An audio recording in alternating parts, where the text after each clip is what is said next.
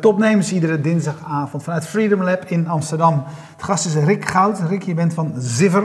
Yes. Met een Z en dubbel V. Ja. Wat doen jullie? Uh, wij maken een oplossing voor bedrijven, een communicatieplatform voor veilige informatieuitwisseling. Waarbij we ons proberen te richten op het voorkomen van datalekken. Uh, en dan niet alleen door encryptie, maar ook door de menselijke fout uh, centraal te stellen. En, uh, de menselijke fout centraal stellen? Ja. Die snap ik niet. Nou ja, het, het, uh, sinds de AVG, uh, of de GDPR afhankelijk van aan wie het vraagt, sinds, sinds mei heeft elk bedrijf natuurlijk als een van die hoofdpijndossiers ervoor zorgen dat je aan die privacywet voldoet. als onderdeel van die privacywet is eigenlijk centraal het voorkomen van datalekken. Dus zorgen dat privacygevoelige informatie niet in de verkeerde handen valt. En dan denken de, mensen de meeste mensen traditioneel aan die hacker die je buiten moet houden, omdat die achter je data aan zit. Alleen als je naar de feiten kijkt, dan zie je eigenlijk dat de menselijke kant van het geheel de grootste oorzaak is van datalekken. Dus als je bijvoorbeeld kijkt naar uh, de meldingen van datalekken in Nederland, bijvoorbeeld over 2017, dat waren er 10.009 datalekken. Er werd bijvoorbeeld 47% van die datalekken veroorzaakt door iets aan de verkeerde ontvanger te versturen. Dus de verkeerde RIC, verkeerde bijlagen toegevoegd. Uh, het was daarna een USB-stick kwijtgeraakt, daarna was een laptop gestolen, een brief geopend retour, en dan staat daar onderaan met totaal 6% hacking, malware en phishing samen. Yep. Dan denk je, nou, er staat die hacking toch tussen. Maar dat was vorig jaar altijd het inbreken in iemands account door het gebruik van zwakke wachtwoorden. Oftewel ook een menselijk probleem. Dus oftewel encryptie uh, is, leuk, is maar... belangrijk, maar eigenlijk de menselijke kant is voor de organisatie de grootste uitdaging. En hoe voorkom je dat dan? Want jullie zeggen daar focussen wij op. Ja. Hoe, uh, je noemt nu een aantal menselijke fouten in de ja. e-mailcommunicatie. Hè? Dat doen we allemaal. Je, je, tikt een naam in en kijkt niet goed. En uh, je, Ons allemaal je gebeurd. verstuurt een vertrouwelijk document aan, aan de verkeerde persoon. Ja. Uh, allemaal dat soort dingen. Hoe voorkom je dat dan? Ja, uh, wat wij doen, dus wij integreren bijvoorbeeld in Outlook, zodat mensen hun gedrag niet hoeven te veranderen.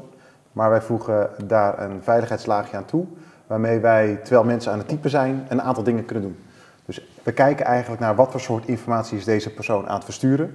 Dus is het medisch, is het juridisch, uh, uh, zitten er BSN-nummers in, creditcardnummers in, ook in bijlagers. Dat scan je? Ja, en de, denk aan een ja. virusscanner, denk aan een firewall, dat is allemaal geautomatiseerd. Ja. En we kijken naar wie wordt dat gestuurd. En daarmee kunnen we eigenlijk drie dingen doen globaal. Dus één, uh, zeggen, hey, in jouw bijlage A zitten BSN-nummers. Weet je zeker dat je dat wil delen? Het is zo gevoelig dat jij bewust moet zijn van het feit dat je op het punt staat om dat te delen. Het tweede is veiligheid. Dus op het moment dat je zou sturen, Rick, ik ben vijf minuten later dan hoeft het niet per se versleuteld. Maar als het medische informatie is die jouw muren verlaat, wil je zeker weten dat het versleuteld is. En het liefst ook met twee-factor authenticatie met een sms-code of zo beveiligd. En de derde is de ontvanger.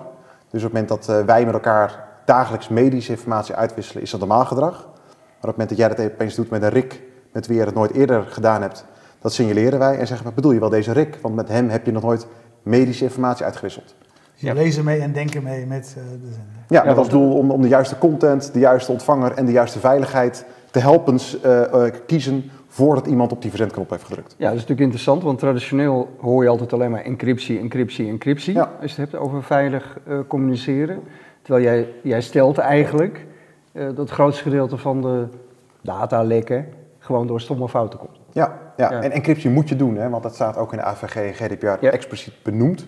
Dus op het moment dat je een datalekker zou hebben doordat je encryptie niet had toegepast, terwijl het makkelijk had gekund, nou ja, dan ga je sowieso nat. Alleen ja, daar begint die uitdaging dus eigenlijk en, en, en de menselijke kant is vaak het, uh, hetgene wat tot nu toe onderbelicht is, omdat techniek daar uh, tot nu toe in tekort schoot om daarbij te helpen. Jullie En nu- allebei. hè? Ja. Ja, dus Je je zei, zegt, nu had je nog één tussenzinnetje wat ik interessant vond. Je Mhm. zei eigenlijk, eh, we laten mensen in hun eigen routine. Ja. Ehm, hoe werkt dat dan? Want ik, ik ken eigenlijk alleen maar platformen, of, of eh, weet je, met, ook vaak met, met en- encryptie, dat je weer dingen moet gaan installeren. Dan moet je een andere e-mail-client gaan gebruiken. Ja. If not, een compleet systeem op je computer eh, eh, zetten. Ja. wat je dan aan twee kanten moet hebben. Jij noemde net Outlook. Ja. Hoe werkt dat dan bij jullie? Nou, al, ehm, eh, dus wij zijn eigenlijk een veilig communicatieplatform en hebben specifieke toepassingen voor veilige e-mail, veilige bestandsuitwisseling en veilige messaging. En ik ga zo meteen wellicht nog wat meer over vertellen. Maar als je naar het e-mail kijkt, als ik het, dat aan techneuten vertel, dan denken die meestal dat ik het over het protocol e-mail heb, dus SMTP of IMAP. Terwijl hoe wij dingen proberen aan te pakken is, wij zeggen als iemand zegt dat hij veilig wil e-mailen, dan bedoelt hij dat hij wil communiceren in een tool of een omgeving die hij associeert met het concept e-mail, waarbij het bij het hem natuurlijk helemaal niks uitmaakt welk protocol er wordt gebruikt. Dus daarom dachten wij, hoe kunnen wij ervoor zorgen? Want één, veranderingen eh, van het gedrag van mensen is eh, een van de grootste uitdagingen. Ja. Ja. Eh, Dus ja, je moet eigenlijk integreren in die tools die mensen al gebruiken. Nou, het voordeel van tools zoals een Outlook is dat uh, Microsoft een open structuur heeft waar je zogenaamde plugins of add-ins in kan maken. Dus wat wij eigenlijk doen is, wij hebben een add-in gemaakt die eigenlijk helemaal niks met e-mail te maken heeft. Alleen wij vermommen onze oplossing als e-mail, zodat mensen hun gedrag niet hoeven te veranderen. Maar feitelijk kunnen wij daardoor veel meer dingen die met gewone e-mail niet kan, omdat wij niet gebonden zijn aan het protocol van e-mail. Dus eigenlijk wat, wat, wat onze Outlook-integratie doet, het is een full API-client, dus hij praat met uh, onze diensten. Uh, terwijl je een type bent, kunnen wij allerlei waarden toevoegen die met een gewone e-mailprotocol niet mogelijk zouden zijn. Ja, maar je hoeft dus geen apart programma op je computer te installeren. Je moet een plugin van jullie aan Outlook toevoegen. Ja, maar dat, dat zal voor Outlook gebruikers. En we hebben ook een mobiele app en we hebben ook een webapplicatie. Ja. Alleen wij zijn echt begonnen vanuit een, een, een business uh, propositie uh, en hebben toen gewoon gekeken wat... Dus zijn begonnen in de zorg, las ik ergens, klopt dat? Ja. ja. Um, nou, de reden daarachter was eigenlijk van oké, we zien dat dit heel belangrijk is eigenlijk voor alle sectoren. Alleen je moet focus hebben, uh, want wij dachten nou het is waarschijnlijk niet zo, of in ieder geval het is uitdagender om in twee markten, want we hebben zorg- en gemeentemarkt gekozen, om daar een significant marktaandeel op te bouwen, dan wanneer je op alle markten zou richten en op alle landen, want dan kun je overal de early adopters wel vinden. Dus we hebben gezegd, we gaan het focus hebben op twee privacy-gevoelige sectoren, die traditioneel wel moeilijk worden bestempeld, maar waar veel gevoelige informatie in omgaat. En ik ben hiervoor 6,5 jaar strategieconsultant geweest uh, in de gezondheidszorg, dus kende de dynamiek in die markt, uh, kende ik. Uh, dus daarom zijn we in, in die markten begonnen. En, en dus daarom ben je er begonnen. Uh, maar je was strategieconsultant, dus je had heel veel dingen kunnen gaan doen. Ja. het was niet per se dat, uh, dat privacy of security jouw nee. technische deskundigheid was. Nee. Uh, waar, waar zat voor jouzelf dan, behalve dat je de zakelijke kant zag, zeg maar de, de, hetgene waar je warm voor liep? Ja, nou, voordat ik strategieconsultant was, ik, ik heb medische informatiekunde gestudeerd aan de UvA in het AMC. Dus dat is helft geneeskunde, helft informatica. Met als doel dat je beide werelden begrijpt, zeg ik altijd. Eh, ik heb tijdens mijn studietijd drie jaar als bijbaantje geprogrammeerd, twee dagen per week. Dus toen heb ik software leren maken. En na mijn studie ben ik gepromoveerd op beslissingsondersteunende systemen in de zorg. Oftewel, je hebt in de zorg veel richtlijnen, protocollen, die zijn op papier of pdf te veel om uit je hoofd te kennen. Dus mijn promotie ging over hoe kun je die kennis die dan in die papieren versies zit, nou ontsluiten, koppelen aan systemen, zodat je daarmee kan gaan redeneren en advies kan geven aan artsen, verpleegkundigen, patiënten over diagnoses, behandelingen, et cetera. Um, dat was tien jaar geleden en toen zei ik al van dit is de toekomst van de zorg. Alleen tien jaar geleden was de toekomst er nog lang niet klaar voor en nog steeds is het erg uh, primitief slash wetenschappelijk wat er op dat vlak gebeurt. Alleen het was dus ongeveer vier jaar geleden, uh, dus, dus, ik heb al altijd IT-affiniteit gehad. Alleen vier jaar geleden zag ik die privacywetgeving, de AVG of GDPR aankomen. En toen keek ik om me heen en toen zag ik iedereen gewoon e-mail, Dropbox, WeTransfer, WhatsApp gebruiken voor hele gevoelige communicatie. En toen had ik op een gegeven moment een idee van hoe je dat probleem kon oplossen. Maar ik geloof dat de toekomst veel meer zit in wat ik even rijke communicatie noem. Dus wat wij nu doen is mens-mens communicatie, dus e-mail, uh, file transfer. Ik geloof dat de toekomst veel meer zit in systeemmens, chatbots bijvoorbeeld, mens-systeem, uh, automatisch berichten in jouw bronsysteem uh, sturen.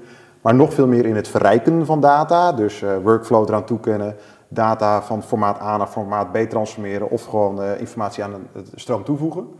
Maar als ik daarmee begin, dan ben ik de markt, markt te ver vooruit. Okay. Dus ik zag met die privacywetgeving en het gewone gedrag van mensen een kans om te starten met een propositie waarmee je een acuut probleem oploste, namelijk e-mail, chat en file transfer. Maar, maar qua technologie rekening houden met het feit dat we over vijf of tien jaar allerlei waarden, proposities zoals digitaal ondertekenen, vragenlijsten kunnen versturen, decision support, dat we dat op dat platform kunnen mogelijk maken. Maar je wilde gewoon pragmatisch beginnen met iets wat een acuut probleem ja. zou oplossen. Ja, je, je, noemt nadrukkelijk ook in jullie publiciteit, eh, noemen jullie uh, de nieuwe privacywetgeving. Mm -hmm. Dat doe je nu ook, uh, AVG of GDPR, hoe, mm -hmm. je het, hoe je het wil noemen. Uh, wat is er nou precies niet AVG-compliant aan gewoon e-mailen? Ja, nou wordt het een heel klein beetje technisch. Kijk, e-mail is, volgens mij is het protocol in 1982 uh, bedacht, of 72 uh, zelfs. en toen bestond encryptie nog niet. Uh, dus in principe werd alles altijd plain text uh, verstuurd over, over een lijntje. Ehm, later is er zogenaamd TLS of start TLS is toegevoegd, ehm, alleen dat is een opportunistisch protocol. Oftewel, wat jouw mailserver doet aan de ontvangende mailserver, is eigenlijk eerst vragen: hey, praat jij ook encryptie? En als die dan antwoord geeft ja, dan stuurt vervolgens uh, encrypten terug. Alleen die vraag stellen praat jij ook encryptie? Die vraag wordt onversleuteld verstuurd. Uh, nou, het is een beetje technisch, maar daardoor kun je dus eigenlijk als je als hacker kwaad wil, zou je uh, daartussenin kunnen gaan zitten. En als jij nee antwoordt, ik praat geen encryptie, dan gaat standaard gedrag van mailserver is dat je het volgens onversleuteld gaat sturen. Dus eigenlijk, uh, ik denk dat op dit moment al wel 99,7% encrypted wordt verstuurd. Alleen dat weet je pas achteraf, omdat je vooraf dus niet zeker weet of iets versleuteld wordt verstuurd. Uh, en er zijn ook gewoon in Nederland dan best wel servers die helemaal geen encryptie praten. Dus enerzijds in de AVG staat dat als je hoog persoonsgevoelige informatie verstuurt, dan moet je het versleuteld doen, sturen. Maar ten tweede staat ook in AVG dat je dat moet doen onder sterke authenticatie, met passende beveiligingsmaatregelen. En het nadeel van e-mail is eigenlijk, het wordt naar een server verstuurd. En je weet feitelijk niet wie er allemaal op die server kan.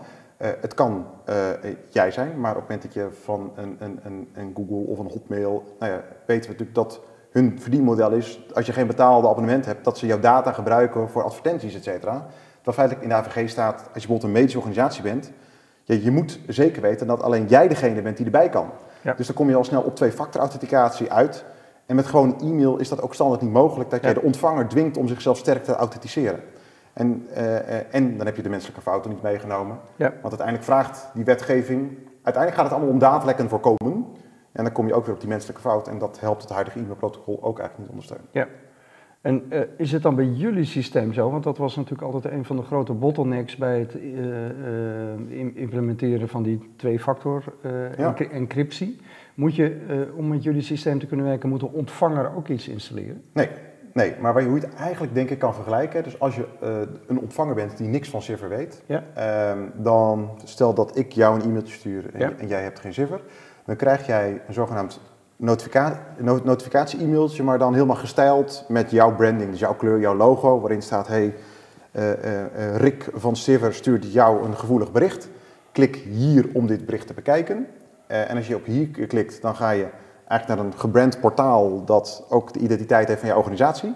Dan krijg ik op dat moment bijvoorbeeld een sms-code om uh, nou, te laten zien dat ik ook degene ben die bij dat berichtje kan. Dan vul ik dat in en dan kom je daarna uh, ja, ik krijg dat nu altijd, Ik krijg dat nu wel eens van zorgmail. Is ja. dat een vergelijkbaar systeem? Dat is, dat is vergelijkbaar, ja. Is dus dat, een concurrent voor jullie? Ja, zeker. Ja, dus die bieden hetzelfde. Ja, dus ja. hebben dat sms'je uh, een half jaar geleden inderdaad uh, ook geïntroduceerd. Nou, dat jullie het okay. twee jaar geleden hadden geïntroduceerd. Ja. Is die concurrentie uh, uh, groot in deze sector? Nu we het er toch over hebben. Ja en nee. Um, ik zeg altijd, het ligt eraan welke vraag de, uh, de, de, de, de, de zorginstelling van het zorgmiddel doet iets in de zorg heeft. En, want als hij zegt, oké, ik wil veilige e-mail hebben en hij ziet dat als iets binairs, als één ding, dan kun je zeggen, want dat doet zorgmiddel ook en dat doet een partij als Scriptshare ook. Microsoft heeft tegenwoordig ook zo'n propositie. Um, maar als mensen eenmaal tot het besef komen, zeg ik altijd, dat het niet encryptie is wat ze willen, maar ze willen dus eigenlijk de awareness van de mensen vergroten. Ze willen de menselijke fouten voorkomen. Ze willen menselijke fouten herstellen. Uh, ze willen, het moet gebruiksvriendelijk zijn. Het moet ook voor de ontvanger nog een beetje leuk zijn. Uh, ze ja. moeten goede encryptie gebruiken, logging. Nou, zijn dat allemaal unique selling points van jullie? Ja, nou dus wij, wij zeggen, uh, uit de markt hebben we opgehaald. Er zijn twaalf, even in, ja? twaalf functionele wensen en eisen die je als organisatie wat ons betreft zou moeten willen als je het over veilig communiceren hebt. Um, en wij doen ze alle twaalf, niet omdat we ze bedacht hebben, nou, maar we halen de, de, vraag uit de markt op. En als we zien dat er nog een functionele vraag is die we niet ondersteunen, dan zetten we op de roadmap en dan voegen we hem toe. Dus inmiddels zijn het er twaalf. En eigenlijk als je naar alle concurrenten eigenlijk in de hele wereld kijkt, komen de meeste niet verder dan twee of drie van die functionele, terwijl wij ze alle twaalf doen. Een van de dingen die we daarin ook niet onberoemd mogen laten, een van de twaalf is ook file sharing. Ja. Uh, dat gaat, althans ik, ik, ik, pik het op uit wat ik over jullie gelezen heb hoor. Ja, ja. Uh, dat gaat natuurlijk ook heel vaak fout, omdat je via mail clients dat gewoon niet kunt doen, alles ja. wat uh, te groot is. Ja. dan gaan mensen Dropbox sharen en weet ik wat ze allemaal gaan doen. Ja. Ik, ik, ik, weet niet of WeTransfer veilig is. Ik geen idee. Ja. Jij? Ja, nou ja, ook dat is wat is de vraag is veilig. Kijk, ja, ik, heb geen, ik, ik maar hou me er ook niet mee bezig. Maar nee, daarom. Ik het is natuurlijk wel belangrijk. Vanuit... WeTransfer zorgt natuurlijk zeker uh, dat hun servers goed beveiligd zijn, et cetera. Alleen bij WeTransfer kreeg je natuurlijk ook gewoon een linkje met als je daarop klikt, kun je bij het bestand. Ja. Dus um, uh, Die zij allemaal bij dat linkje. Ja, dus ik bedoel van, zij zorgen natuurlijk wel dat hun servers goed zijn, maar het gaat feitelijk om dat uh, je het had het net zo goed dan via e-mail kunnen sturen. Als jij wilt zorgen dat er iemand die Ja, het het. e-mailtje onderschept niet Ja. bij de data kan, nou, dan moet je andere maatregelen nemen. Ja. Ehm, Maar wat jullie dus bieden is dat je gewoon attachments mee kan sturen tot 5 terabyte. Ja. Klopt dat? ja. Ja. Ja. dus we zeggen Bizar altijd... groot. Ja, nou ja, eh, het, het, het verhaal was dat wij eh, eh, een, een, een, groot ziekenhuis in, in Nederland als, eh, als klanten kregen. Dus ik geloof dat we eerst tot 50 gigabyte of zo hadden. We dachten, nou dat zal wel voldoende zijn. Maar toen kregen we een groot ziekenhuis en die ging DNA-sequencing databanken met Zwitserland uitwisselen. en die dingen schijnen 1 terabyte groot te zijn. Dus toen vroegen ze ons van, kan dat niet wat groter? Nou ja, toen eh, was de volgende stap eh, was 5 terabyte, dus eh, het staat mooi. Maar we kunnen nu ook zeggen, het is 200 keer meer dan Dropbox en, en dan WeTransfer. Maar als je maar vanuit de gebruikers kijkt, dat doet ook bijna nooit iemand. Maar je wilt hem omdraaien. Het is natuurlijk raar dat als jij als gebruiker dingen wilt delen, jij als gebruiker, of iets nou 1 MB, eh, 100 KB of 20 MB is, jij wil geen verschil ervaren. En het is natuurlijk raar dat je nu, als je iets van 11 MB wilt toevoegen, dat jouw mailprogramma begint te piepen. Dat kan niet. En dat je opeens een andere omgeving, een platform moet. En, en als je twee keer tien doet, mag het wel. Ja, nee, dus, dus wij zeggen, joh, als, wij willen dat weghalen bij de gebruiker. Dus als gebruiker wil je gewoon communiceren. En wij springen wel door het technische hoepeltje om ervoor te zorgen dat wij met die grote bestanden kunnen opgaan. Niet dat jij dan opeens een hele andere app of andere toepassingen moet gebruiken. Hey, ik, eh, Roland heeft die volgens mij ook gezien. Er was een, een, mo- een mooie blogpost over een van de, de- iemand die bij een van, jullie investeerders eh, Ja. werkte. Jullie hebben recent 12 miljoen investeringen opgehaald. Ja.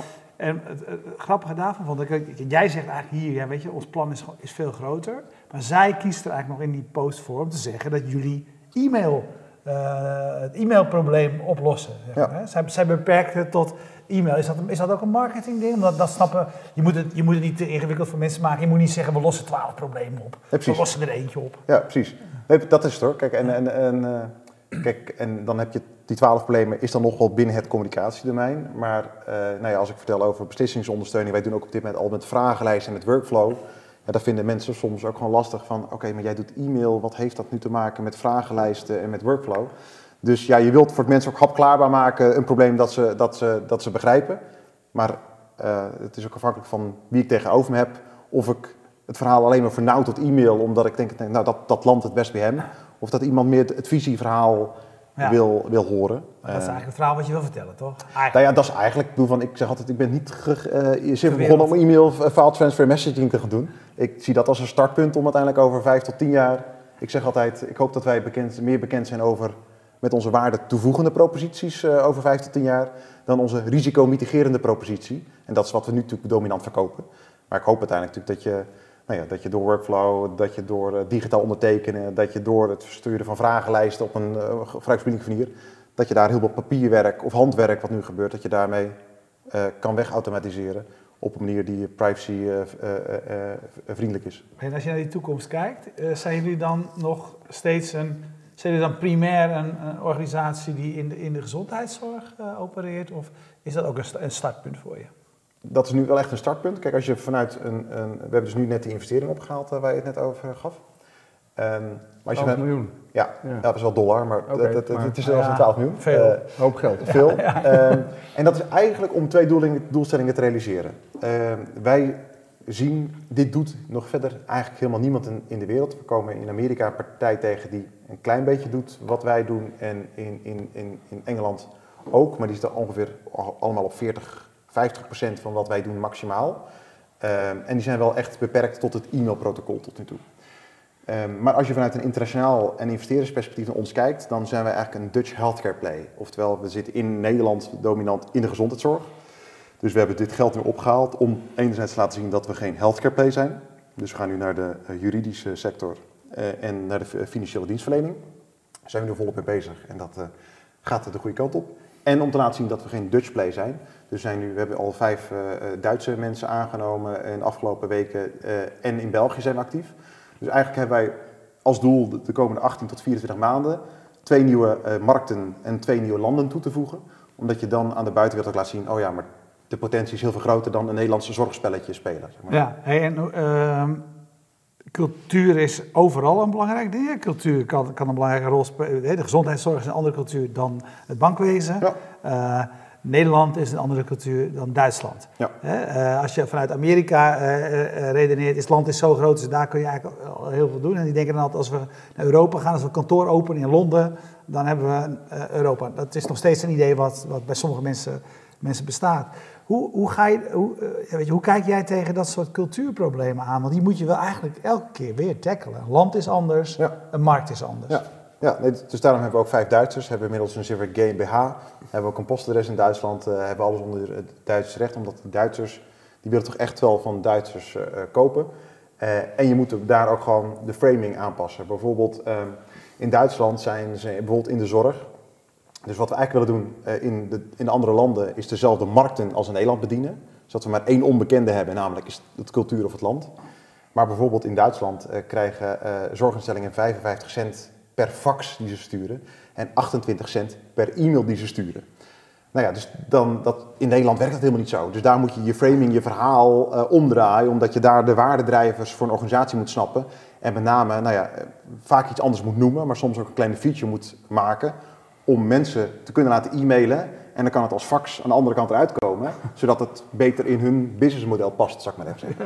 Eh, maar, Veilige fax. ja, maar vooralsnog eh, eh, hebben we inmiddels wel snel doorgehad van, nou ja, als- in Duitsland moet je niet vanuit Nederland proberen, dan moet je ook echt Duitsers er hebben zitten met een netwerk, want anders gaat dat eh, zeker in de zorg en de gemeentemarkt niet lukken om dat eh, vanuit Nederland te bestieren. Hey, eh, ehm, je zei net, eh, we willen het zo makkelijk mogelijk maken voor de gebruiker. Dus je gebruikt de Outlook eigenlijk eh, als basis om, eh, via de API. Ja. Eh, ben je daar, is, is dat ook het enige wat je doet? Want heel veel mensen gebruiken natuurlijk geen Outlook. Nee, nou, als je naar de zakelijke dienstverlening kijkt, moet ik zeggen, dus waar wij op ons richten, dus, dus de advocatuur, de accountancy, de ziekenhuis, de gemeentemarkt, dan zit je met Outlook echt op 90% marktaandeel. Ja. Maar we hebben ook dus gewoon een API die door iedereen te raadplegen is, zodat ook anderen zou- zouden kunnen koppelen. We hebben ook e-mail interfaces gemaakt, omdat bijvoorbeeld als je in de gemeentemarkt eh, kijkt, eh, die hebben vaak zaaksystemen, eh, maar ook in de ziekenhuis bijvoorbeeld, die hebben elektronische patiëntendossiers. Er zit ergens al wel een knopje in van stuur dit aan de patiënt of stuur dit aan de burger. Dus Ja. we hebben inmiddels ook koppelvlakken gemaakt, zodat mensen gewoon op dat knopje kunnen drukken en dat het dan via een SMTP-koppeling veilig bij ons plat- platform uit aankomt. We inmiddels voor Outlook Web hebben we ook zo'n integratie. Ja. Eh, maar datzelfde kunnen we bijvoorbeeld voor Gmail gaan doen. We zijn gewoon van boven naar beneden begonnen. en Je zou het ook eh, voor de Google Enterprise om- omgevingen, die natuurlijk ook best veel gebruikt worden. Ja. Eh, weliswaar in andere sectoren misschien, maar... Je bent wel afhankelijk van of je, want wij kunnen onze waarden alleen maar toevoegen als wij in de client, in de Ja, applicatie geïntegreerd zijn. zitten. Dus ik noem even wat als Thunderbird op je iPhone. Dat gaan wij nooit kunnen doen op de manier zoals in Outlook doen, omdat wij niet daarin kunnen integreren. In Gmail zou het wel kunnen. Ja. Maar voor dat soort Thunderbird hebben we ook andere technologie die dan meer server-side werkt dan, dan client-side. Maar ja, het, het beste is natuurlijk als jij terwijl je type, typt feedback krijgt. En dat kan je alleen maar als je in de client integreert. En jullie zijn natuurlijk verbazing, ja, vanuit mijn optiek verbazingwekkend snel eh, in vier jaar tijd van eh, vier, vier jaar geleden Ja, begonnen. drieënhalf, ja. Drieënhalf jaar geleden begonnen. Nu ja, in Nederland inmiddels best succesvol met een flink klantenbestand in de zorg en bij, bij overheden, Ja. volgens mij. Ja. Eh, nu eerst 3 miljoen opgehaald, nu 12 miljoen opgehaald. Hoe verklaar je dat jullie idee zo ontzettend aanslaat? Eh, we hadden het er voor de uitzending ook even over, want in, in Nederland dat privacybewustzijn is natuurlijk toch maar heel beperkt. Ja. Ehm, ik denk dat het een aantal. Kijk, wij hebben van begin af aan wel gezegd. Toen we dit 3,5 jaar geleden begonnen. Van joh, dit, is wel, dit wordt wel een. eh, even plat, een go big or go home spelletje. Je zag gewoon van. Oh, dat privacy gaat met die AVG-komst. Want je voelt het aankomen, dat gaat gewoon heel groot worden. Ja. Dus we hebben toen van begin af aan ook wel gezegd. Ja, we moeten dit niet zoals typisch Nederlands is. bootstrappen en op een zolderkamertje ja, dit gaan zitten ontwikkelen. Groot moet ik toch wel eh, je even corrigeren. Mhm. Groot voor organisaties die wettelijke verplichtingen hebben. Ja. Maar onder de bevolking leeft het volgens mij nog Nee, steeds nee, totaal helemaal niet. Nee hoor, dus, dus kijk, op het moment dat ik, en ik ben zo meteen ook benieuwd naar de volgende spreker. Wat, eh, Ja, van Startpage, Ja, de, ja, de, nee, want als de wij, veilige browser. Ik, Ja? ik, ik, ik durf het niet bij een consument. eh, wij geven het ook een consumenten gratis weg, want een, Ja. een zogenaamde willingness to pay bij consument, hiervoor zie ik niet. Eh, dus dus Ja, daarom, hebben ja, daarom hebben we echt Ja. een business propositie neergezet. Dus voor mensen die moeten. die mensen die moeten. Ja. Eh, en, en, en dan inderdaad, maar wat moeten ze dan? En dan ook wel gedoen, oké, maar mensen moeten, maar ze willen eigenlijk niet. Dus met dat je dan zorgt dat ze iets hebben waar ze hun gedrag niet voor hoeven te veranderen. Waar het makkelijk is. Dan is het een no-brainer. Ja. Eh, en, en, want, want meestal als je bij grote organisaties komt, een van de eerste vragen die ik vaak krijg is van, eh, dat, dat de businessmensen zeggen, oh ja Rick, ik vind het een hartstikke leuk verhaal, maar dit gaat bij ons nooit werken. Onze architectuur is zo ingewikkeld, daar moet je maanden voor uittrekken. Onze en- enterprise architecten die zeggen, dit gaat nooit werken. Nou, ik ben tot nu toe nooit organisatie tegengekomen waarbij het niet in een aantal dagen, als je je kwaad maakt, eh, eh, zou werken. Ehm, dus we hebben ook geprobeerd rekening te houden dat je het gewoon bijna op elke infrastructuur erbovenop kan plakken. In plaats van dat je nou, hoeft te migreren en allerlei rare dingen hoeft te doen. Want ja, dan had het ook niet succesvol geweest als je het niet zo laagdrempelig mogelijk maakt voor zowel de Ja. gebruiker als voor, Dat voor pleit natuurlijk ook heel erg voor Duitsland, waar de privacywetgeving strenger is nog eh, dan in Nederland en het bewustzijn groter. Ja.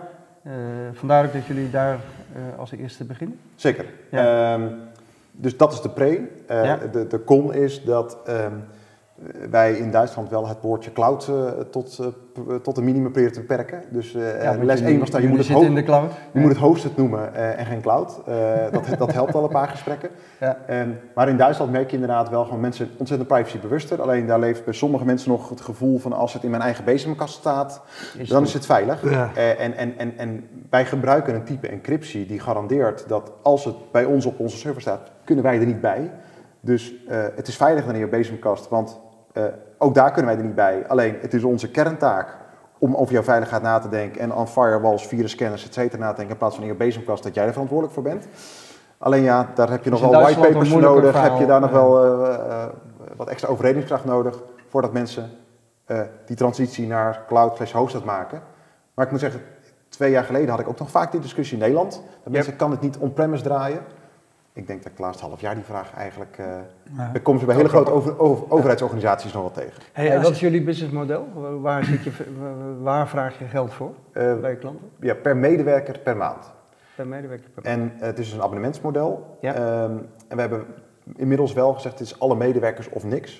In het begin hadden wij wel eens, eh, ik zeg de je fout... dat? Ja. Ja, maar er was de fout gemaakt. Dat bijvoorbeeld een ziekenhuis in Nederland heeft gemiddeld 3000 medewerkers. Ik noem even wat.